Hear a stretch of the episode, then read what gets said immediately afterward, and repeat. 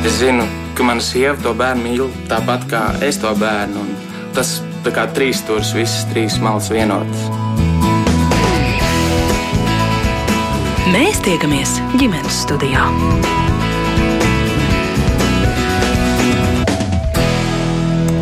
Labdien! Man sauc Mārcis Notiņš, un es lasīju, ka īpaša apdāvinātība bērnam var izpausties intelektuāli, mākslinieciski, sociāli, psihomotori vai arī praktiski, daudz pētījumi ir likuši zinātniekiem nonākt pie secinājuma, ka ļoti apdāvinātiem bērniem nepieciešams atbalsts, atzinība un piemērota mācību programma, lai viņi varētu attīstīt savus spējas. Vai mūsdienu izglītības sistēma to piedāvā un kā vecākiem atpazīt un arī palīdzēt savam apdāvinātajam bērnam. To jautāšu studijas viesiem, un šodien pie mums studijā ir izglītības eksperti Latvijas Universitātes padomas locekle Mārīta Seile. Labdien! Labdien arī apdāvināto bērnu fakultatīvās skolas pedagoģei un koordinātorei Marikai Melnei. Labdien! Latvijas Universitātes profesoram Jačislavam Kašķējevam. Labdien! Un tūlīt arī ģimenes studija pārliecināsies, ka mūs dzird arī Latvijas Universitātes pro, uh, psiholoģijas, mākslas un pedagoģijas fakultātes psiholoģijas nodaļas pētniece Liena Hačatriāna. Labdien! Jā, labdien! dzirdat brīnišķīgi, varēsim sarunāties. Un uh, uzreiz arī droši vien Mārītei, uh, skatos uz jums jautājums, bet apdāvināts bērns, uh, ko tas īsti nozīmē? Ja mēs raudzītos ļoti strikti pēc pasaulē atzītām definīcijām, kur mēs varētu viennozīmīgi izmērīt, ir vai nav apdāvināts bērns, tā, tāda viena atbilde nemaz neeksistē. Un, un bieži vien tā ir uh, politiski izšķiršanās vai vispār uh, apdāvināt uz bērnus, uzskatīt par bērniem ar īpašām vajadzībām, jo tas iespējams prasa papildu finansējumu. Bet, uh, bet ir arī gana daudzas valstis, kuras apdāvināt tos bērnus pieskaita bērnu ar īpašām vajadzībām kategorijai, ļoti labi apzinoties, ka viņiem ir arī savas vajadzības. Un tātad, kas, eh, kas viņi ir, ir, ir dažādas definīcijas. Ir um, pasaulē tāds populārs modelis, ko, ko sauc uh, Josefa Renzulī modelis, kur saka, ka apdāvināti bērni ir tie, kuriem piemīt gan intelektuālās spējas, nu mēs viņus ikdienā atpazīstam pēc tā, ka viņi spēja kaut ko izdarīt ātrāk nekā citi bērni. Nu, piemēram, brēķina ātrāk nekā viņa, viņa klases biedri. Bet e, šiem bērniem arī piemīt e, augsta motivācija, un ar vārdu motivācija šajā gadījumā saprot arī tendenci, ka, ka viņi ļoti aizraujas, ja viņi ir iesākuši kaut ko darīt. Viņiem gribās pabeigt, viņiem gribās iedziļināties, viņi nevar apstāties. Un bieži vien vecāki to, to vērtē kā spītību, bet īstenībā tā var būt apdāvinātības pazīme. Un, un trešā īpašība ir e, radošums, kreativitāte, kas nozīmē, ka viņi vairāk vairumā gadījumu nu, neapstājas pie vienas tēmas, bet viņam raisās ļoti plašas asociācijas par, par vēl daudzām tēmām. Un, un mēs kā vecāki šādus bērnus bieži varam atpazīt pēc tā, ka viņiem ir ārkārtīgi daudz gudru, plašu jautājumu. Viņi nevar apstāties ar saviem jautājumiem, viņi patiešām grib sadzirdēt atbildi. Un, un es domāju, ka kopumā mums ir, ir svarīgi uh, apzināties tiešām, ka nav tik svarīga definīcija un izmērīšana, vai esi tajā vienā, divos vai trijos procentos, bet ir svarīgi šādus bērnus pamanīt un, un dot iespēju viņiem attīstīties. Jā, bet tur laikam jāpievieno tomēr tas vārdiņš īpaši apdāvināts, jo varētu jau teikt apdāvināts, nu katram bērnam jau kāda dāvaniņa ir pūrā ielikta. Nu, talants, kuru tad var ieraudzīt un attīstīt. Jā, bet uh, pat ja tā tas būtu, un, un um, man šķiet, ka piemēram Austrālijā šī definīcija tieši tādā veidā arī, arī netiek ierobežota, ka, ka jā, tu vari būt talantīgs, bet tev ir jābūt iespēja šo talantu attīstīt, bet eh, diemžēl bieži ir tā, ka, ka mēs vēlamies un mākam attīstīt talantu dziedāt, talantu dejot, talantu muzicēt, bet mums ir daudz, daudz mazākas iespējas attīstīt kognitīvos talantus. Jā, īpaši jau Latvijā, Liena, kas jums te vēl kā psiholoģijai piebilstams, kā jūs gribētu jā. vēl papildināt šeit jau izskanējušo? Jā, jā, ļoti labs ievads jau. Paldies tiešām par šīm teorijām runājot, var pilnībā pievienoties, ka tādas vienotas definīcijas īsti arī nav, jo ir vairākas pieejas, kā uz šo apdāvinātību, vai augsto sniegumu, vai talantu skatās. Un, viena jau bija jā, šī pieminētā Renzulī teorija par to, ka ir vismaz virs vidējā intelekta, tad īpašs radošums un īpaša spēja nodoties nu, tiešām tā stundām ilgi aizrautīgi darīt to lietu, kas interesē. Un tad ir tā otra pieeja, atkal, kas skatās jau vairāk nu, kvantitatīvi. Tur ir uh, svarīgi šie intelekta mērījumi. Un, uh, to sauc par intelektuālu apdāvinātību. Un, uh, nu, tā, lai saprastu to kontekstu, tad uh, runājam par uh, individuālām atšķirībām intelekta jomā. Un, uh, nu, tā fona, tā fona informācija, lai klausītājiem varbūt būtu skaidrāks, ka uh, lielākā daļa cilvēku, uh, tas ir pierādīts pētījumos, varijē ap vidēju intelektu. Tie ir vairāk kā 68%, aptuveni tātad vairāk kā divas trešdaļas, uh, kuriem ir vai nu nedaudz virs vidējā, vai nedaudz zem, bet uh, ap to vidusposmu.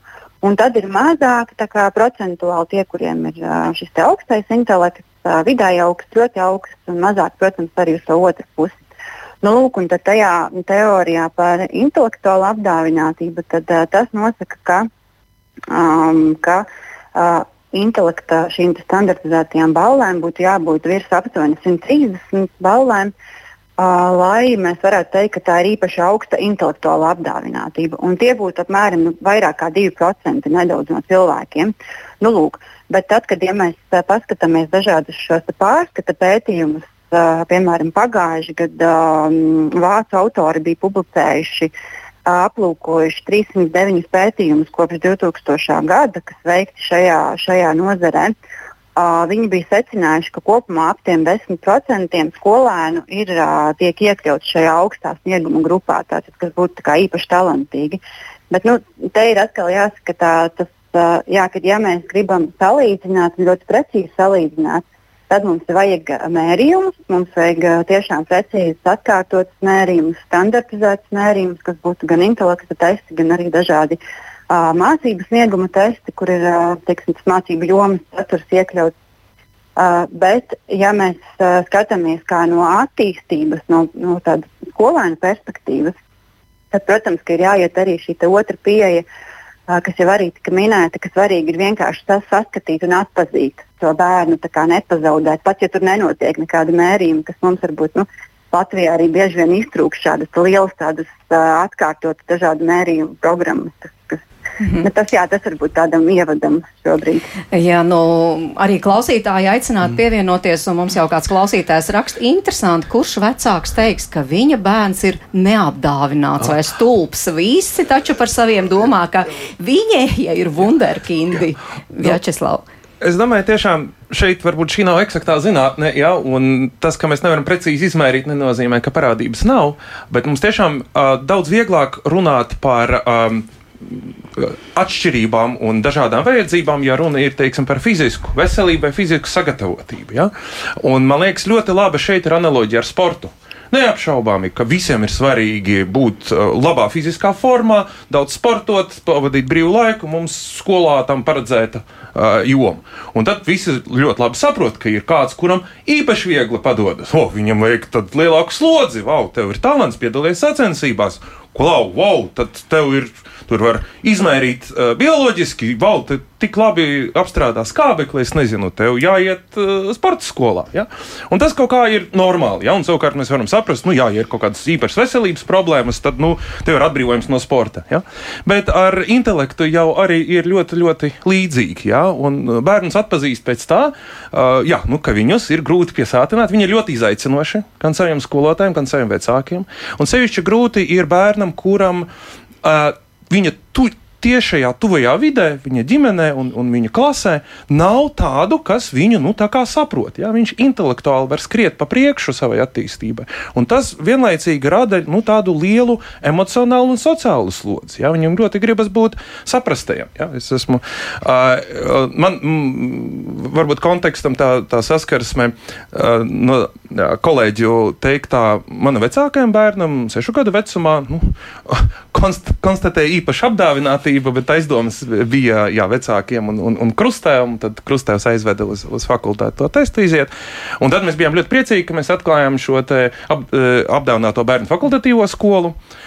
Bet tad es arī redzu daudzus tajā posmā, kad šīs, šī, ja šim, šis, šis bērns ir attīstījies labi, labā vidē un ar atbalstu, tad viņam sāk parādīties rezultāti. Ja? Mhm. Un, un tur ir uh, olimpiādas un, un īpaši spējīgi, un to gal, to, tas gals jau kļūst saprotamāk. Jā, tas viss ir pēc tam, bet nu, kā jūs kā tēvs jūs teicāt, vai krustēvs, kurš tur pamanīja, ka tomēr tas bērns īpaši apdāvināts, nu kāds tas bērns, un reizē jūs teicāt izaicinošs kā tētis? Uh, jā, nē, nu, uh, uh, mana tas arī, protams, būs ļoti personīgi, ļoti atkarīgs no, no, no, no ģimenes. Nu, man ir ļoti svarīgi uh, savus bērnus uztvert kā, uh, kā, kā mazus pieaugušos un runāt tādā līmenī, kas viņiem ir saprotams. Ja? Un tad, ja tas uh, līmenis skrien pa priekšu, ja? nu, un, uh, tad uh, tu saproti, ka vajag vēl kādu pats svarīgākais šeit, kā vi, redzēt, kā viņi atplaukst, ja viņi satiek sev līdzīgos. Ja, tas ir tāds izšķiroša joma, uh, i, i, i, izšķirošs veids. Uh, Jā. mm -hmm. Jā, varbūt Marika vispirms, jo jūs arī varētu ne tikai kā skolas, protams, pārstāv, par ko mēs runāsim, bet kā mamma arī runāt. Eh, nu, jā, es kā mamma arī savus bērnus, protams, esmu izvadījis cauri šai apdāvināto bērnu fakultatīvai skolai. Iespējams, ka viens no iemesliem, kāpēc uh, mana mamma, kas arī ir šīs skolas skolotāja joprojām un arī viena no dibinātājām, vispār šajā iesaistījās, jo viņai pašai bija apdāvināti bērni. Īpaši man jaunākā māsa, kurai bija cits, citas lietas, atkal, kas ir 15 gadus jaunāka. Bet uh, nu, tāds viens spilgts piemērs no mana bērna, kurš šobrīd ir 9. klases absolvents un jau kļuvis par vidusskolnieku, kad viņš mācījās bērnu dārzā. Nu, mēs sēdējām nezinu, pie brokastu galda, iespējams, un krūzītē bija ielietas ūdens. Es nezinu, kāpēc bija runa par to, ka, nu, cik daudz tur ir iekšā. Uh, nu, divas trešdaļas. Ko tas nozīmē? Tas bērnam ir tas jautājums, kas ir divas trešdaļas. Saka, nu, ja tu visu krūzīti sadali trīs daļās, tad divas, tās, divas daļas ir ar ūdeni un pārējās tukšas. Ah, nu labi. Un tad viņam nu, tas uzreiz bija skaidrs. Tāpat tās reizināšana, jo bērnu dārzā vienreiz pasakot, viņam bija uzreiz skaidrs. Tad saproti, ka nu, tev ir jāiet kaut kur tālāk un ka tu vari piedāvāt nu, tādu dziļāku saturu. Un šeit tā izskanējusi doma par to, kad redzēt, kā tas bērns atplaukst, kad viņš satiek savus šos līdzīgi domājošos. Nu, arī man vecākā meita, to es tā īpaši varu teikt, satiekot šajā apdāvināto bērnu fakultatīvā skolā šos līdzīgi domājošos, tiešām pavērās tās iespējas attīstīt tās citas jomas arī, jo ir iespēja komunicēt par šīm intelektuālās jomas jautājumiem, kas tam bērnam ir svarīgi, bet ar kuriem viņš nevar komunicēt ar saviem vienaudžiem un iespējams arī ar saviem vecākiem, jo viņš vienkārši izskatīsies dīvains. Tad šeit uh, viņi pamazām saprot to, ka viņi var komunicēt, un viņi var komunicēt par ļoti nu, citiem, varbūt dīvainām lietām, bet viņi viens otru saprot, un tādā veidā viņi attīst arī savas sociālās prasmes, savas, uh, savas uh, šīs te, nu, citas jomas, teiksim tā, kuras līdz ar to tad, veido tādu harmonisku personību, kas varbūt citur izpaliek. Jā, bet jūs kā mamma arī teikt, kaut kādā ziņā tomēr izaicinošs ir šis bērns. Protams, Protams, citādāk nemaz nevar būt. Tas arī, nu, es arī kā skolotāja parastajā skolā varu teikt, ka nu, es mazliet citādāk skatos uz tiem jauniešiem, kuri mēģina kaut kādā veidā izprovocēt, uzdot šos jautājumus. Un, nu, es kā skolotāja nu, reizēm teikšu, tā nebaidos būt arī. Uh, nu, atzīt, ka es esmu kaut kur kļūdījusies, ka es varbūt kaut ko nezinu, uh, un ļaut tam bērnam izteikt šo, varbūt pat arī tad, ja es patiesībā varbūt zinu, bet eh, ļaut viņam izpausties un izteikt, eh, jo nu, nezinu, ir laikam kaut kāda mm, empātijas tās spējas, kas tev ļauj saprast, ka viņam ir svarīgi šajā brīdī izteikt šo savu domu. Un es viņam ļauju to darīt, ļauju iet šavā, savā šajā virzienā, nu, un tad mēģināt ievirzīt tajā vēlamajā virzienā, kur es vēlos. Jā, Mārija. Jā, man ļoti gribējās no, norēķēt uz, uz komentāru, ko klausītājs bija, bija atsūtījis, ka kurš tad vecāks nu, nedomā, ka viņa bērns ir apdāvināts. Es domāju, nu, ka tas bija mazliet ironiski, bet ja, mēs, bet ja mēs runājam tiešām par apdāvinātiem bērniem, tad arī pētījumos ir pierādīts, ka īstenībā tas ir mīts, ka apdāvināti bērni vienmēr ir novērtēti un, un mīlēti ģimenē. Jo, jo īstenībā vecākiem šis bērns, kā, kā kolēģi arī teica, bieži vien sagādā nērtības. Viņš runā uh, sarežģītā valodā, un bieži vien starp saviem vienaudžiem var izklausīties, ka viņš ir iedomīgs, lai gan īstenībā viņš runā tā, kā viņš domā, un viņam pašam pat prātā neienāk, ka viņš kaut ko dara atšķirīgi no, no vairuma vienaudžu. Un, un otra ļoti sarežģīta problēma ir, ka šo bērnu prāts, intelektuāli attīstīto bērnu prāts, ir ļoti strauji attīstījies, bet viņa ķermenītis ir bērna ķermenītis. Un tas arī ir, rada vecākiem papildu izaicinājumus, ka varbūt tā tu ar viņu runāt, runā ar viņu, tu nezinu, reizini, dali, rēķina visu kaut ko bērnu dārza vecumā, un tad viņš pēkšņi nu, uzvedās tā, kā tādam piecgadniekam vai četrgadniekam būtu jāuzvedās. Un, un tev tajā brīdī rodās nu, tāda kognitīva disonance, nu, ka viņš tevi speciāli kaitina, vai kā tad tik gudrs bērns var tik stulbi uzvesties, bet šis ir precīzi jāsaprot, ka, ka prāta attīstība nevienmēr ir sinhrona ar emocionālo attīstību, un kas, kas vecākiem ļoti, ļoti jāņem vērā. Jā, Jā Marika pēkšņi izkrita no doma, ko es gribēju teikt. Šeit ir ļoti svarīgi vienmēr pajautāt, un, teiksim, sadzird kaut kādu, nu, atvainojos par teicienu, stulbu atbildi vai rīcību, kāpēc tu tā domā, vai kāpēc tu tā dari, un tās atbildes, kas nāk reizēm, ir fantastiskas. Man, mans jaunākais arī pirmajā vai otrajā klasē atteicās pildīt sociālās zinības vai tam līdzīgu priekšmetu uzdevumu. Un nepildīs, un viss viņam jautā, nu, kāpēc, nu, kur ir tā problēma, kāpēc tu nevari izpildīt? Un izrādās, ka tajā uzdevumā bija jāzīmē suns. Viņš teica, ka viņš nevar uzzīmēt tādu suni, kādu viņš ir iztēlojies, ka viņš viņu grib redzēt, un tāpēc viņš to uzdevumu vienkārši nepildīs. Jo viņu neapmierina kaut mm. kāds suns, bet viņam vajag tādu, tā kā viņš ir iedomājies. Jo perfekcionisms ir viena no pazīmēm. Diemžēl. Jā, bet tā, tā mēs sākām pamazām zīmēt, un viņš pēc pāris gadiem bija diezgan labs zīmētājs, jo mēs pastiprināti pievērsām uzmanību tieši šīs prasmes attīstībai, kas viņam traucēja izpaust savu, savu domu. Jā, mūsu klausītāji arī visu laiku iestarpinās ar saviem jautājumiem. Var būt tā, ka bērns ir apdāvināts tikai vienā jomā? Varbūt. Jā, ne? jā, jā, jā, Teorija par to runā, bet eh, nu, es teiksim, no savas praktiskās mm. pieredzes varētu teikt, ka tas uh, nenozīmē to, ka citas jomas nevar pieattīstīt klāt. Tas, manuprāt, ir ļoti svarīgi, lai tā personība būtu harmoniska. Tie ir tieši tā, kas arī jādara. Pat, jā. pat ja bērnam nu, jūt, ka viņš nezinu, matemātikā ir apdāvināts, ne, nebūtu pareizi ļaut viņam attīstīties tikai šajā virzienā. Viņam ir jādod papildu izaicinājumu, lai, lai viņš izmanto šo savu īpašo spēju, bet tai pašā laikā nu, jāpat jāpatur rūp par viņu kā personības attīstību. Un man liekas, te mēs saskaramies ar ļoti svarīgu komponentu. Tieši tā vajadzības mm. sačakarā visu to apdāvinātību un talantu, visu papriecēt par viņu bērnu dārzā, pēc tam mm. augstskolā viņš vienkārši nelietojams un dzīvo nelaimīgu dzīvi. Jo? Tas lielākais mm. risks šādam bērnam, kuram no dabas ir iedots Ferrari motors, viņš nezina, kā ar to braukt, viņš iebrauc mm. sienā, par to mēs jau esam runājuši. Ja? Ja es atceros, kādu sašutumu, kādus pārdzīvojumus manai meitai izraisīja tas, kā ar viņu runāja kā ar bērnu kā, kā ar stulbu. Ja? Un tu jūties kā visu laiku ar tevi runā kā ar stulbeni. Tas aizskaroši un grūti, un neviens tevi neņem pa pilnu. Ja?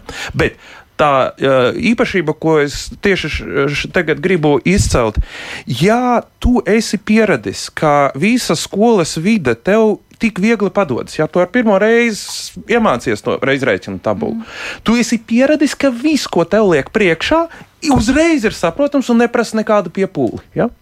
Un tu nekad nekļūsi par olimpisko čempionu, kādas tev nebūtu dotības, ja tu nestrādā, nestrādā, nestrādā un nestrādā. Un par to pievilkšanu arī citiem talantiem, ja, teiksim, kā es, nu, kā vecāks varu motivēt, vai kā arī, nu, raksturs un, un, un, un, un personība, manuprāt, ir jāaudzina, ka tieši tajās jomās, kur tev ir vājāk, grūtāk, vēl, kur tev vēl nav sasniegumi, ir tev potenciāls vai ne, tu uzzināsi tikai jāstrādās. Ja? Un vēl viens tāds ļoti spilgts piemērs. Ja? Es daudzus gadus braucu līdzi un trenēju Latvijas izlase fizikas olimpiāda, un mēs startautiski satiekamies ar dažādiem kolēģiem. Un, un man Izraels izlases vadītājs stāstīja, ka slava, man bija izlase tāds kandidāts, man atveda puisi, oh, kāds tas ir intelekts. Bet, die, diemžēl, viņš nenonāca līdz olimpiādai, neizturēja to atlasi. Viņš saka, ja vien viņu varētu pārliecināt, domāt par jautājumu ilgāk par 30 sekundēm. Ja mm. vien es to spētu, ja, bet desmitajā klasē jau ir par vēlu. Ja? Viņš ir vienkārši pieredzējis, ka viss, viss ir mm. easy, ja? un tas aptur to Jā, starp citu, es arī, apdāvinātības potenciālu. mm, es arī atradu tādus skaidrus, piemēram, apdāvinātiem sākumskolas bērniem. Pieņemsim, parasti paliek pāri trešdaļa, varbūt pat Mm. puse no mācību stundas laika, un īpaši apdāvināti bērni var būt nenodarbināti pat trīs ceturdaļas no stundas. Tie tieši tā. Tātad Viņš Tieši ir tā. momentā visu izpild, un tālāk Dzīve vienkārši paiet gaidot Tie- tieši uz citiem. Gaidot citiem. uz citiem. Un- Un, un- Pacietība arī jā, ir laba jā. lieta, bet uh, Un, un atkal ilgi? tie, tie procenti ir, ir dažādi. Man, man kaut kā atsauc uz vienu pētījumu, kur saka, ka apmēram 15 līdz 30 procenti no vidusskolu nepagu, nepabeigušajiem skolēniem ir apdāvināti. Jo, jo tieši tas starposms, nu, sākam 5. 6. klase, uh, ir, ir ārkārtīgi izšķirošs, kad, kad viņi reāli ir daudz ātrāki par, par pāriem klases biedriem, kā jūs teicāt, viņi garlaikojas un ja viņiem nav tā intelektuālā izaicinājuma, viņi kļūst bieži vien par bērniem, ko angliski mēdz, mēdz uh, saukt underachievers, un tie, kas savu potenciālu nav, nav īstenojuši. Un, un man nāk prātā arī piemērs nu, par konkrētu bērnu, kuram, kuram bija super garlaicīgi skolā.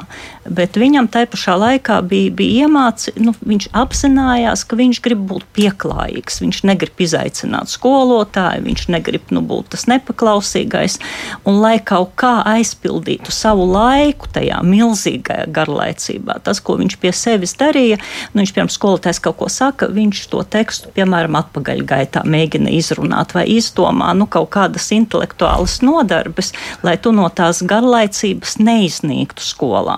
Un, un šis ir, nu, to nevar saukt par pozitīvu scenāriju, bet tas ir viens scenārijs, daudz parastāks scenārijs, nu, ka šie bērni vienkārši viņi izskatās nepaklausīgi, viņi izskatās, ka viņi kaitina speciāli skolotāju, bet bieži vien viņiem ir nāvīgi garlaicīgi mm -hmm. tajā laikā. Jā, tūlīt runāsim. Tas arī, arī atbildes uz jautājumu, kāpēc šiem bērniem ir īpašas vajadzības, kā te izskanēja, bet vēl kāds pedagogs mums raksta, intelekts saurupu nodalīšana izcilībā ir vismaz dīvaina. Arī profesionālās skolās ir izcilnieki, bet tur ar galvu vien būs par maz.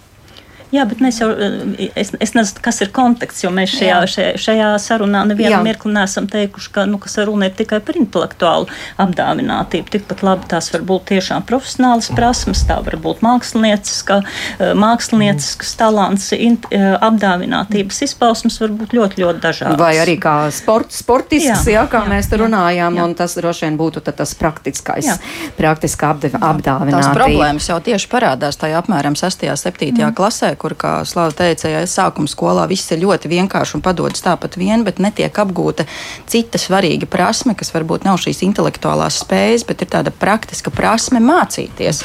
Vienkārši pārvarēt šīs grūtības, pārvarēt tās 30 sekundes un saprast, ka uh, pārvarot kaut kādas lietas, mēs arī varam kaut ko iemācīties. Un šīs visas mācīšanās tehnikas un ap 6. un 7. klasi apmēram sāk izpausties tas, ka šīs prasmes nav apgūtas, jo vairs nepietiek tikai ar to, ka man viss labi padodas, bet ir kaut kas arī jau nu, jāizmanto, ko viņi diemžēl nemāca darīt. Jā, es arī uz šo repliku gribēju reaģēt. Recepti, ka 5% talants, 95% darbs, neviens nav atcēlis. Ja? Nav darba, nav rezultāta. Jautājums ir tikai par to, ka ir tādas dotības, kurām tos 95% klāt, tas rezultāts var būt fenomenāls ar ļoti lielu ietekmi gan uz paša cilvēka dzīvi, gan uz viņa apkārtējiem. Ja? Tas ir tāds dabas resurss Latvijā. Kurš nedrīkst iet iznīcībā. Un man sirds lūst, atceroties, mēs divus gadus dzīvojam dziļākos laukos, vēl bērni negāja bērnu dārzā, nekādā ABFS, un spēlējās ar kaimiņu puiku. Ja? Tas kaimiņu puika manus bērnus varēja tik tā apspēlēt Dambretē. Dambrete bija vienīgā iespēja, kur viņš varēja izcelties, un, un, un visādi citādi pēc pazīmēm. Tā bija izcila nu, pazīme, ka ir ārkārtīgi apdāvināts bērns, bet tā ģimenes vide un apkārtēji viņam sociālā vide, nu, ā, tā, cik tālu es tagad zinu, viņa tā, tā trajektorija bija nu, tāds nelabvēlīgais bērns, ja, kuru skola noraksta, tāpēc, ka viņam nav laba atzīme. Laba atzīme nav viņa visu citu uh, personības nu, uh, izaicinājumu dēļ, uh, un, un ļoti sāpīgi uz to noskatīties. Ja, vai arī bērni, kuriem augstākais sasniegums, ar ko viņi var sapņot, ja, ir uh, baļķvedēja šoferis. Jo tas ir viss krūtākā profesija, ka viņš ir apkārt redz, ja? bet viņam ir spēja būt par uh, baļķvedēju izstrādātāju, ja? par, par baļķvedēju uh, uzņēmumu, uh, globālu uzņēmumu vadītāju. Ja? Un tur varbūt ir, ja, ja, ja mēs tagad skatāmies sistēmas kontekstā, ir ārkārtīgi svarīgi, nu tā nevar būt neviena cita kā mūsu kopējā tātad valsts atbildība šādus bērnus pamanīt un dod viņam iespējas caur tām valsts skolām, kādas es mums ir. Es iesprāgties ar vēl vienu teikumu, jo mēs bieži vien sagaidām, ka jā, viņi mums varētu sabiedrībai dot ļoti lielu labumu, jā, bet pirms viņi var dot sabiedrībai kaut kādu labumu, viņiem pašiem ir jābūt apmierinātiem ar sevi. Un, nu, lieto šo banālo vārdu laimīgiem pašiem pie sevis, kādi viņi nevar būt, ja viņi dzīvo tādā vidē, kā viņi dzīvo. Un tāpēc pirmām kārtām ir svarīgi šos bērnus pamanīt un ļaut viņam uh, justies laimīgam vienkārši. Jā, nu Daina savā pieredzē dalās. Tā bija traģēdija skolā, jo man nebija nekādas grūtības saprast jauno vielu, tāpēc es stundu laikā lasīju mani interesējošas grāmatas, un daži skolotāji atļāva, ar citiem bija problēmas. Skolu uztvēru kā cietumu. Nu, lūk, tikai šāds viens stāsts, bet Liena droši vien tas nozīmē to, ka tiešām šiem bērniem ir īpašas vajadzības. Varbūt jūs no savas puses par šo. -hmm. Jā, jā, jā, tiešām tā arī ir.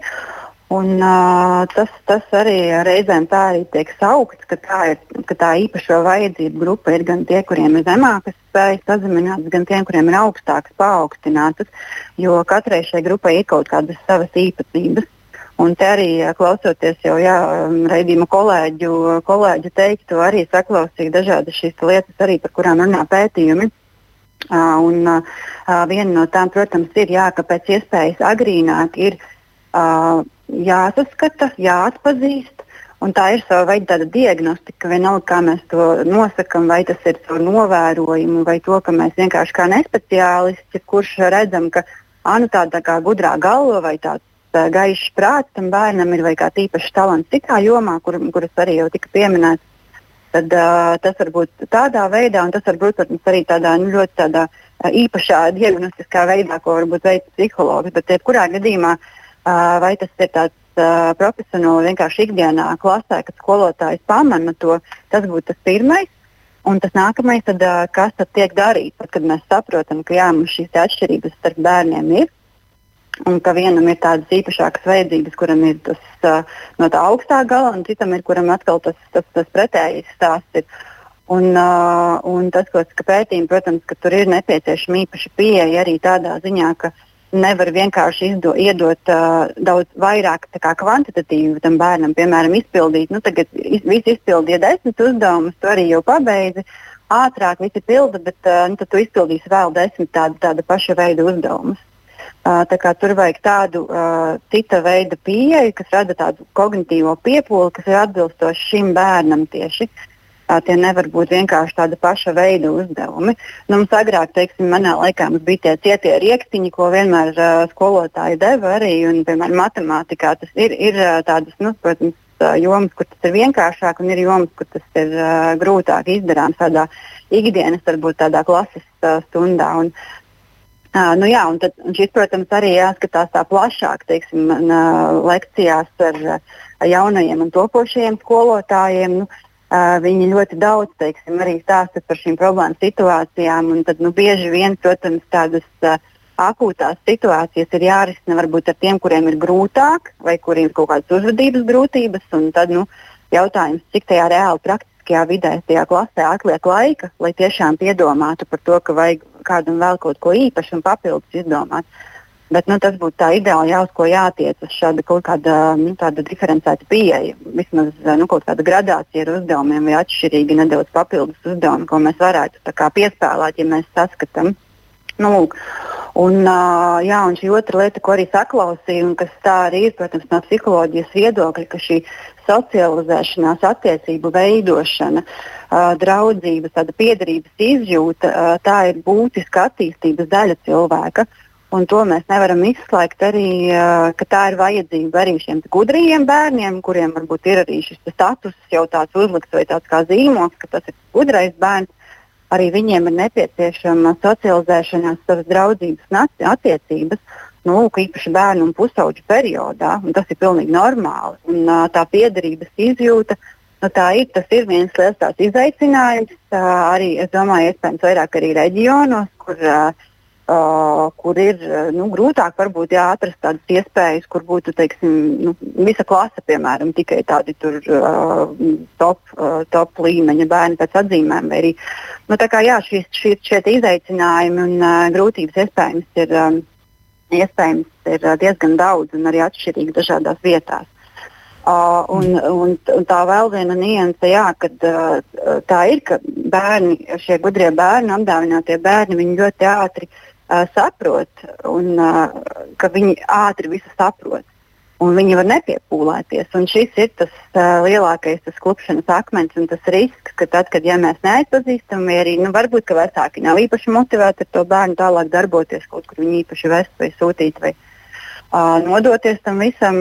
Līdzīgi kā tas ir arī sports, protams, kad uh, ir vecāki, kuriem ļoti nododas un ved un brauc un, uh, un, un, un tērē savu laiku. Un, uh, un to visu dara, un vecāki, kas izvēlas to nedarīt. Uh, tā kā nu, arī šajā gadījumā, uh, šajā gadījumā arī, jā, kad uh, ja tas bērns ātri uh, saprot, ka viņš jau tāpatās tā diezgan labi var izbraukt nu, cauri visam, pat uh, īpaši nepiepūloties, tad, tad šis ir tas risks, ka viens brīdis pienāks, ka tomēr tas, tas mācību uh, vielas dziļums vai kaut kādas nianses vai uh, citas lietas kļūst sarežģītākas un komplicētākas, un tas bērns tomēr uh, nu, nav iemācījies tās šīs te, pašvadības, tādas pašorganizēšanās prasmes un stratēģijas, kā mācīties, kā teiksim, piepūlēties, kā uh, varbūt plānot, kā teiksim, iesākt kaut ko, ja nezinu, liekas, kā slinkums iesākt vai tam līdzīgi, vai kā pabeigt to iesākto darbiņu.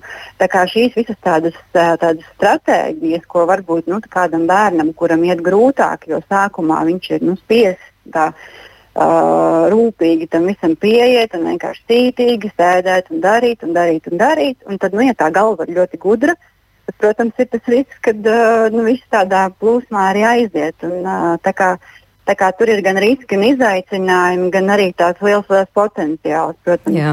šajos bērnos. Jā, es atgādināšu mūsu klausītājiem, tātad Liena Hačatriāna no Latvijas Universitātes tikko dzirdējāt pie mums studijā arī izglītības eksperte Mārīta Sēle. Uh, apdāvināto bērnu fakultatīvās skolas uh, koordinātoru un pedagoģu Marika Melne un Latvijas universitātes profesors Vjačeslavs Kašķējevs un Marika. Marika jau ilgi ga gaida, lai, lai piebilstu. Jā, jā. pacietīgi gaida, pacietīgi. lai pateiktu divas, uh, divas lietas. Pirmām kārtām izskanēja tāda frāze, jo ir jārisina problēmas ar uzvedību un tam līdzīgi jautājums, cik daudz no tiem, kuriem ir šīs uzvedības problēmas, patiesībā arī iespējams ir apdāvināti, jo viņiem vienkārši ir ir garlaicīgi tajā stundā, jo mēs tomēr strādājam uz vidējo, un, un lielākajā daļā gadījumu uh, nu, tiem apdāvinātiem ir garlaicīgi tajā stundā. Ko viņi dara? Tad ir jā, Mārīts teiktais variants, kad sevi nodarbina ar kaut ko, bet liela daļa uh, nodarbojās ar uh, skolotāju kaitināšanu, stundas traucēšanu, jo viņi vienkārši to var, un viņiem nu, nav citu, ko darīt. Tā ir viena lieta. Otra lieta, ko es gribēju piebilst, kuru mēs vēl bieži vien pazaudējam šos apdāvinātos bērnus, jo viņiem, nu, ja viņi tā arī harmoniski sāk attīstīties ne tikai intelektuāli, bet arī visās citās jomās. Viņam parasti šīs spējas piemīt ne tikai vienā konkrētā lietā, bet arī vairākās. Un tad tā, tas otrs klupšanas akmens ir, kad sākas mācību priekšmetu olimpiādas, un visi skolotāji grib sūtīt uz visām olimpiādēm, kas vienkārši ir fiziski par daudz, un viņi vienkārši izdeg, pārdeg, un beigās nesanāk nekas, un mēs viņus ievadam riebumā pret visu šo pasākumu, un viņi pēc tam vairs negrib piedalīties nekur, nevienā mm. olimpiādē, nevienos viss, kas ir saistīts ar skolu vai kaut ko. Viņi vienkārši uzliek kategorisku veto. Jā, nu atgriežamies pie jautājuma, ko tad darīt. Nu, piemēram, māja mums raksta, kad strādāja par pedagogu stundai, gatavojos trīs līmeņos, lai vienmēr ir ko iedot apdāvinātajiem bērniem, kad kļūst garlaicīgi, lai varu atbalstīt lēnos bērnus un pamatsaturs parastajiem pēdiņās skolēniem, bet tā ir nereāla slodze, māja raksta. Jā, milzīgs, milzīgs paldies visiem skolotājiem, kas to, kas to apzinās un, un, un spēja izdarīt. Jo, nu, atkal nav, nav vienkāršas receptes. Ir jautājums, cik daudz atbalsta mēs varam iedot skolotājiem jau ar gataviem materiāliem, ar gatavām struktūrām, lai viņiem būtu nu, vieglāk tā, tādai stundai gatavoties. Un, un atkal no, no pasaulē pazīstamām e, praksēm e, nu, visaugstāk tiek, tiek vērtēta kā, stundas bagātināšana, tāds termins, nu, ka tev tiešām ir jau speciāli speciāls komplekts tiem bērniem, kuri, kuri ir kādā jomā talantīgāki, lai viņi strādātu nevis kā iepriekš tika teikts, vienkārši nevis desmit uzdevumi, bet 20 tādi paši, bet pēc būtības nu, sarežģītāki uzdevumi. Mēdz šādus, šādiem bērniem arī organizēt nu, speciālas grupas, kuras konkrētā mācību priekšmetā viņus izceļ ārā no vispārējās plūsmas, un, un viņi, viņi mācās atsevišķi, iespējams, pat pārlicot kādu klasi. Bet visaugstāk tiek vērtēts, ja šiem bērniem ir, ir iespēja strādāt pie, pie projektiem un domāt veidā, kas ir plašāks nekā viena priekšmeta ietvars, kur ir integrācija ne tikai, nu, ja es esmu, piemēram, talantīgs cilvēks matemātikā, tad tas nav tikai par matemātiku, par ko es domāju. Manas domas vienmēr aizplūst plašāk. Tur arī ķīmija, bioloģija, valoda, māksla, mūzika, un, un šīs ir visaugstāk vērtētās programmas. Tas, tas, ar ko ir jābūt ļoti uz, uzmanīgam, ir ar nu, bērnu sadalīšanu grupās, ka, ka šī ir gudro grupa, tā ir vidējo grupa un tā ir netik gudro grupa, jo atkal pētījumi apliecina, ka, ka tai gudrajai grupai in, nu, intelektuālā izaugsme pātrinās, bet savukārt tiem, kas ir vidējā un it kā netik gudrajā grupā, tad, kad viņi tiek nu, segregēti no normālas eh, vidas, viņu sasniegumu matemātikā, dabas zinātnēs, lasīšanā eh, ievērojami pasliktinās. Mm -hmm. un, un vēl var gadīties arī tā, ka, ka mē, ir, ir, var bērnus sadalīt grupās uz noteiktu periodu, bet tad ir jāsako līdzi, kas tur notiek, jo, jo bieži vien gadās tā bērnu sadalīt, nu, 9. klasē, 4. klasē, un tad viņi tajā grupā paliek mūžīgi. Līdz ar to viņiem īstenībā ir, ir zīmoks gan pašiem savā prātā, gan vecāku prātos, gan skolotāju prātos. Šie man ir gudrie, šie man ir nu, tā normālie, un šie tur ir vēl kaut kādi. Un, un šis noteikti nedrīkstētu notikt. Nu jā, bet jūs jau te pieminējāt, bet tā, piemēram, sākt skolu agrāk pārlekt pār klasēm, it kā teorētiski arī varētu, bet reti tiek praktizēts. Man gribētu teikt, ka tas ir vairāk tāds ielāpiņš, tomēr tas mm. tā nav globāla problēma, tas nav globāls risinājums, tas ir tāds ielāpiņš, ko mm. mēs varam uzlikt, paaugstināt nu, kaut kādu grūtības pakā, pārlecot klasi vai, vai sākot iet agrāk skolā, bet mums mm. nedrīkstam aizmirst par visām pārējām prasmēm. Ja? Viens ir, kad skolēns, piemēram, var būt intelektuāli gatavs skolai, bet jautājums, vai viņš sociāli ir gatavs iet skolā, pakļauties režīmam, visām citām lietām, tas ir absolūti cits jautājums, bet ne mazāk svarīgs. Un, jā, protams, man meita piecu gadu vecumā uzlika mugursomu, ejot uz bērnu dārzu un, un teica, tu ej no manis tālāk, lai citi domā, ka es esmu skolniece.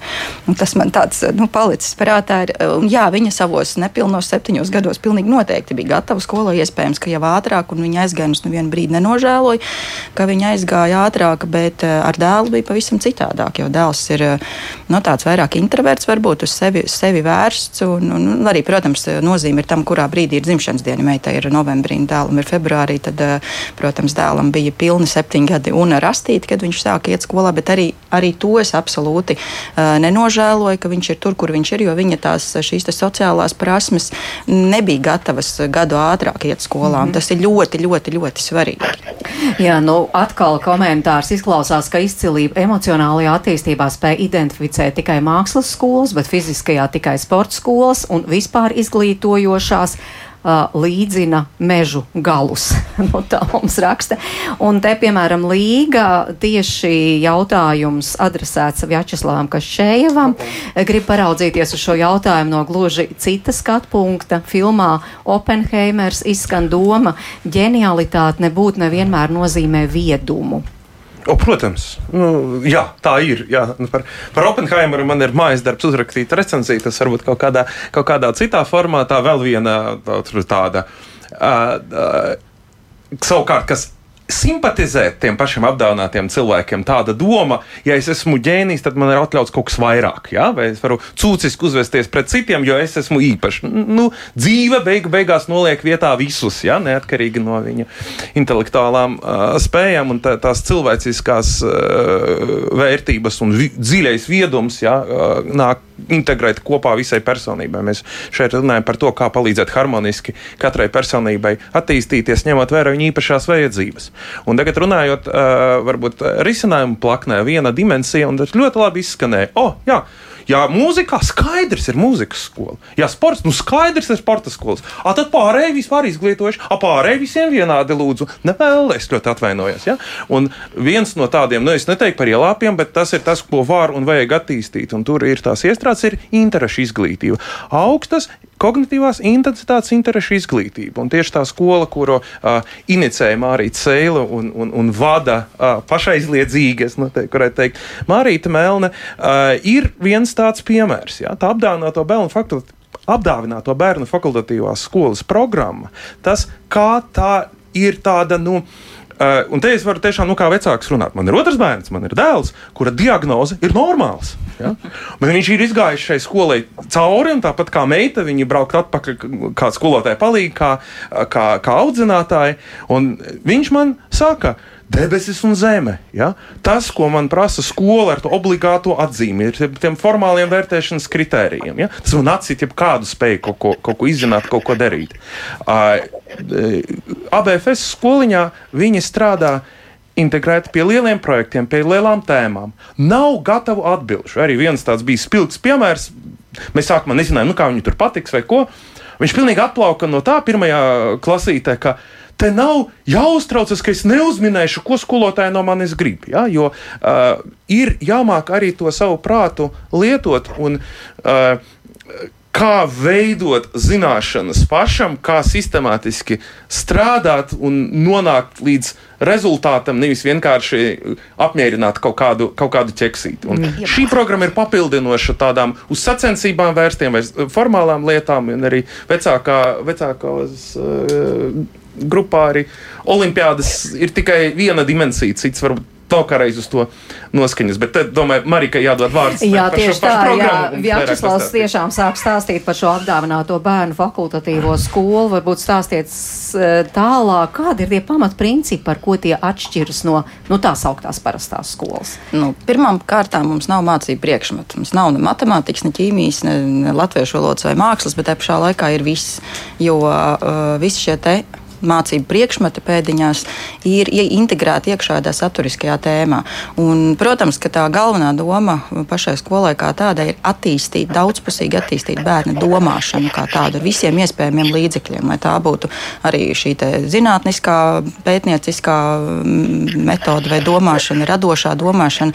Bet, protams, ka mēs nevaram domāšanu attīstīt vienkārši tāpat vienu tagad domājiet. Ja? Nu, tā tas nenotiek. Ir vajadzīgs kaut kāds saturs, lai mums būtu par ko domāt, lai mēs varētu trenēt šo te, uh, domāšanu. Un tad uh, ir šīs saturiskās tēmas. Uh, tās ir tādas lielas globālas saturiskās tēmas, zem kurām nu, var palikt apakšā gandrīz jebko. Un, es jau vairāk nekā desmit gadus šobrīd māsu strādāju arī vispār izglītojušā skolā ar fiziku, tad arī tur es mēģinu uh, šo pašu metodiku likt iekšā, jo tas strādā arī tādā veidā. Un svarīgi ir tikai vairāk uzmanības pievērst nevis tam, es esmu šo ķeksīti iegūs un saturu apgūs vai nē, bet tiem domāšanas procesiem, kas ir apakšā, lai to saturu varētu apgūt. Un šeit mēs nonākam nonākam pie vēl vienas tādas ļoti svarīgas dienas, lietas. Mūsdienās mums viss attīstās tik ļoti strauji. Mēs ļoti grozamies ap to, ko tad mums vajag mācīt vai ko mums nevajag mācīt skolā. Visi šie padziļinātie mācību priekšmeti vidusskolas 12. klasēs.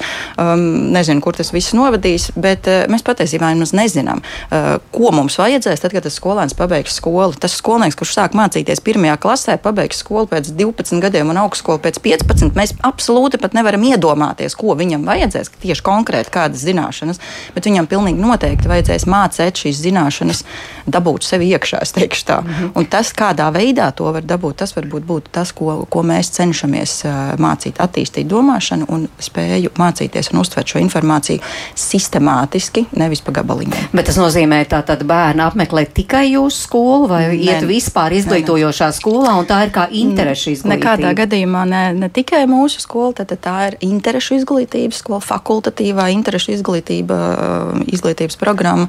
Un, nu, tā ir vairāk šie bonusi, jo tad šie apdāvinātie bērni var uh, nodarboties atbilstoši savām spējām uh, gan šajās sestdienās, gan viņi patiesībā iemācās ar to nodarboties arī visā citā laikā, arī tad, kad viņiem varbūt kādreiz paliek garlaicīgi skolas solā sēžot. Tas ir punkts numur viens, un otrs viņiem ir iespēja uh, tikties ar līdzīgi domājošiem vienaudžiem, uh, runāt brīvi ar viņiem tā, kā viņi to saprot, uztver un, un, un redz, un nebaidīties par to, ka par viņiem varbūt kāds smiesies, jo viņi visi tur ir tādi nu, mazliet citiem vi, vi, tādam lielākam daudzumam varbūt domājot dīvaini, bet viņi netiek atrauti no tās reālās dzīves, kas notiek, jo viņiem jau tāpatās būs jādzīvot tajā reālajā dzīvē. Mēs jau varam siltumnīcā audzināt ārprātīgi augstu intelektu un, un kultivēt un attīstīt viņu līdz maksimāli iespējamām robežām, bet ko viņš dzīvē darīs? Te ir atkal tas jautājums par to, ka jā, sabiedrība varbūt no viņa iegūs kaut kādu maksimālu labumu, bet, labumu, bet jautājums, vai viņš pats būs ar to apmierināts, vai viņš pats jutīsies labi un laimīgs, ja viņš būs tikai tādā mākslīgā vidē audzināts. Un tāpēc, manuprāt, ir svarīgi, ka viņi arī ir ikdienā tajā savā mm. reālajā dzīvē, reālajā skolā, un tad papildus apgūst šīs prasmes, piedzem to, kas viņam ir vajadzīgs. Cik bērniem? varat piedāvāt šādu iespēju, un vai jebkurš vispār tur var tikt tādā skolā un mācīties? Nu, piedāvāt droši vien var mazliet vairāk nekā šobrīd tiek piedāvāts. Mēs šobrīd strādājam četrās grupās, kur teorētiski varētu būt ap 80 skolēniem bet reāli ir mazāk šobrīd, diemžēl. Jā, un vienīgā skola Latvijā, es saprotu. Nu, ļoti iespējams, bet mēs jau ļoti daudz ko nezinām, kas notiek, kas notiek apkārt kaut kur. Un, bet es domāju, ka tāda veida, kas ir, kur ir integrēti šie mācību priekšmeti un ir uzsvers uz šo domāšanas procesu un mācīšanās procesu, un tieši uz šīm prasmēm vairāk nekā uz saturu, varētu būt vienīgā. Jo pārsvarā mēs tomēr runājam par dažādiem, nu, jau no ķīmiķa skola, jau no fizikas skola vai pie Latvijas universitātes jā, programmēšanas olimpiādas. Jā, jā, bet tie visi ir specializēti kādā vienā konkrētā mācību priekšmetā. Mēs runājam par vispārīgām prasmēm un spējām un domāšanas attīstību kā tādu, nevis uh, prasmes vienā konkrētā mācību priekšmetā. Mhm. Mārīt. Papildu komentārs, ko man izraisīja klausītāja jautājums Jačeslavam. Uh, man liekas, ka mēs šodien esam mēģinājuši arī tiešām pieskarties tam, ka, ka neviena apdāvinātība, talants nevajadzētu uz to skatīties izolēti izolēti no cilvēka personības attīstības. Jo, ja mēs viņu Jā. visu laiku raujam ārā tiešām uz matemātikas olimpiādu, uz latviešu valodas olimpiādu, mēs aizmirstam par viņu kā personības attīstību. Un neapšaubām, ka šajā komplektā ir ārkārtīgi svarīgi turēt prātā un iespējams apdāvinātiem bērniem pat, pat vairāk nekā, nekā citiem sarunas par emocionālo inteligenci un pieredzi, kas tas ir pieredzi par ētikas standartiem, pieredzi par, par ilgspēju un par tavu atbildību, kā, kā tu izturies ar cieņu pret uh, sevi, bet arī pret citiem. Un, un šo noteikti ir, ir svarīgi saglabāt eh, kontekstā, lai mēs tiešām visus bērnus attīstītu ar, ar, ar domu, ka mums ir svarīgs ne tikai viņu prāts, bet arī viņu, viņu sirds un, un spēja dzīvot šajā pasaulē. personība, Jā. nevis tāds, tad jāsaka, tur tāds kroplīts sanāk, ja tu tādu vienu spēju ļoti daudz attīst, un otrs tev paliek pilnīgi novārtā. Jā, no te tomēr Os mums raksta, tā tad nav dumju bērni, ir tikai nepiemērota vide un dažādas spējas, vienam redzes atmiņa un skaitļi, citam dzirdes atmiņa un mūzika, un kāds ir uh, praktisku sasniegumu gala eksāmenos, jo kopējie sasniegumi dramatiski Tā tad, nu jā, nu te laikam par tiem dramatiskajiem eksāmena rezultātiem, par kuriem joprojām daudziem sāp sirds. Bet Marks raksta, nu viņš tiešām viņš klausās un atpazīst sevi daudzos aspektos. Tātad 5. 6. klasē vismaz viss bija daudz maz līdzīgi ar klases biedriem, pēc tam sāk novērot, ka ir lietas, ko es spēju izdarīt ātrāk par citiem, un bija lietas, kas man notika lēnāk, un otrs novērojums, kas turpinājās arī vēlāk pieaugušā cilvēka dzīvē ļoti bieži sabiedrībā, esot komunikācijā ar citiem, bija lietas, kas man bija pašsaprotams, viegli uztverams, kamēr lielākai grupas daļai bija nepieciešama skaidrošana un otrādi visiem pieleca, bet es tā arī paliku nesaprotot lietas būtību. Un uh, skolā arī dzīvē bieži vien noklusēju to, ka es neko nesaprotu, jo redzēju, ka esmu tikai viens tāds konkrētajā grupā. Šobrīd man 40 gadus, un tā arī nesmu iegūs vidējo izglītību. Nu, lūk, jā, nu, paldies uh, Markam, bet uh, vispār ies, ieskanējās šeit, bet būtu jābūt tādai valsts programmai, kā piemēram konkrēti Latvijā uh, palīdz šiem bērniem nepazust. Nu, kā mēs dzirdējām, arī skaitļus Mārija Cēlī jau pieminēja. Tiešām es arī, arī lasīju, ka apmēram, jā, cik tur bija tie procenti, pat 30, kur laikam nepabeidz. Pat, pat, daži no, no 15, jā, no 15 līdz 30 procentiem, kur vispār nepabeidz vidusskolu, kaut arī viņiem šūpulī ir ielikt šis, šis īpaši apdāvinātība. Tas ir ASV, jo Latvijā jau mēs pirmkārt neesam definējuši, kas tas ir. Jā. Apdāvināts bērns. Jā, bet tādai valsts programmai būtu jābūt.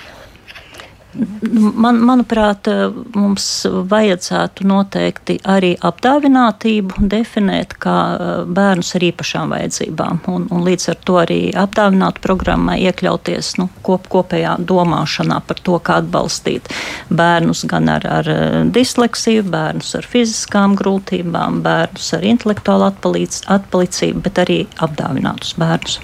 Liena, jūsu redzējums? Uh, nu, jā, es domāju, ka no vienas puses tas, tas tie mazie solīši, ko var veikt, ir, protams, multiplicēt un pārnest uz plašāku loku tādas mazās labās prakses.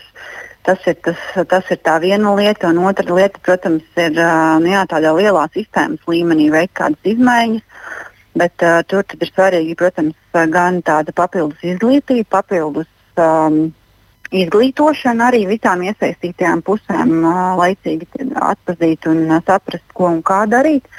Bet domājot jā, par šīm arī uh, izskanēja tiešām tādi labi piemēri par fakultatīvām nodarbībām. Un, uh, nu, tur uh, jā, es domāju, ka tas varētu būt ļoti laba lieta, ko sākt uh, vairāk un vairāk attīstīt reģionos, kas jau notiek daudz kur un uh, daudz kur ir ļoti nu, piemēram, robotikas programmēšanas un uh, visādas lietas ir pieejamas, bet uh, nu, tiešām vēl varbūt um, tās būtu lietas, ar ko varētu sākt. Tad tas nākamais solis jau ir šī sistēmiskā līmeņa tādas izmaiņas, kas, kas, kā mēs zinām, vienmēr notiek daudz lēnāk un uh, nu, ar kaut kādu zināmu pretestību arī bieži vien. Jā, Marika. Jā.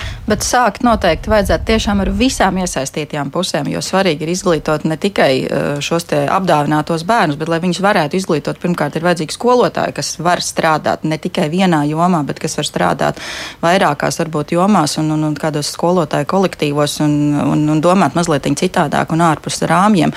Un noteikti vajadzētu izglītot arī vecākus par šo, ka tāda vispār problēma eksistē un kad paskatīties skatīties uz to savu bērnu, eh, nu, tomēr varbūt tās viņam ir kaut kas īpaši nepieciešams, jo nu, nav pārāk daudz īpaši tādā latviskā vidē, lai kā iepriekš izskanēja, ka katram jau savs bērns ir īpaši apdāvinātais. Nu, es teikšu, 25 gadu pieredzē praksa rāda, ka nē, lielākā daļa arī, kas atnāk pie mums, ir ar tekstu, nu manējais jau nav īpaši apdāvināts un tāds parastais vidējais. Ja. Īstenībā latviešu vecāki kaut kā nes kāpēc ļoti liela daļa nu, nemaz negrib tā atzīt, ka viņu tas bērns varbūt ir īpašāks vai vai, ātrāk kaut kādas lietas dara. Es nezinu, vai tā ir kaut kāda kautrība vai kaut kā citādāk, bet daudz tāda ir. Un savukārt tie, kas iet ar lozungu pa priekšu, manējais ir vislabākais un visapdāvinātākais, patiesībā reizēm pārspīlē šīs lietas. Un te jāatgriežas pie tā jautājuma, nu, pie tā, pie tā varbūt vēl viena sāpīgā jautājuma, kas ir pāraprūpēts bērns. Un tas arī rada daudz problēmas. Jā, Vjačeslav, jums ir divas minūtes, nepilnas, nu jau divas minūtes, lai pabeigtu mūsu sarunu. Lai, nu, Mēs droši vien visi gribam, lai mūsu bērni būtu laimīgi, un mēs dzīvojam sabiedrībā, ka visi cilvēki ir laimīgi un jāapzinās šī liela daudzveidība. Ja? Šādas, ar šādu attieksmi ar šādām vērtībām, ja mēs kā vecāki to ieliekam, ja mēs kā uh, skolotāji to ieliekam, es domāju, arī šo dimensiju mēs varēsim. Nu, nokopt. Ja? Es noteikti negribu, lai paliktu uh, tāds iespējas, ka šis ir kaut kādiem īpašiem. Tas ir par mums pilnīgi visiem. Ja? Un tiešām uh, katrs intelektuāli apdāvināts cilvēks, ko es pazīstu, un es ir introspektīvi, varbūt viņam ir tā mūsu klausītāja pieredze ļoti pazīstama, un cik stulbs es jūtos tajā jomā, kur man ir mazā, mazāk ir iedalīts. Ja? Un, uh, lai mums visiem atrodas uh, saprotoša cilvēka kopiena, kur mēs viens otra gudrības varam papildināt un kaut kā kopīgi šķietināt to kamolu. Jā, un tiešām no manas puses, Mairis Notiņas puses galvenais nepazaudēt šos bērnus. Es domāju, ka Latvijā ļoti svarīgi, lai katru šādu, nu, kā dimantiņu nospodrinātu. Nesam jau mēs tik daudz. Paldies mūsu sarunas viesiem Mārītai Sēlē, Marikai Melnei, Vjačeslavam Kašķēvam un Lienai Hačatrijanai. Paldies, ka klausījāties. Jums saka Sarmīta Kolāta, kas ir mūsu raidījuma producenta, un arī Rīta Karnača pie skaņu pults. Tiekamies rīt, rīt par to, kā mēs uh, gaidām skolu, domājot arī par uh, skolēnu ēdienkarti, kāda tā būs, kā tur ar tām kastītēm, ko, ko gatavot, lai uh, skolēns, kurš pārnāc mājās no skolas, varētu arī pēc tam atrast kaut ko labu ēdam leduskapī par to tā tad rīt tiekamies. Un paldies, ka klausījāties. Visu labu!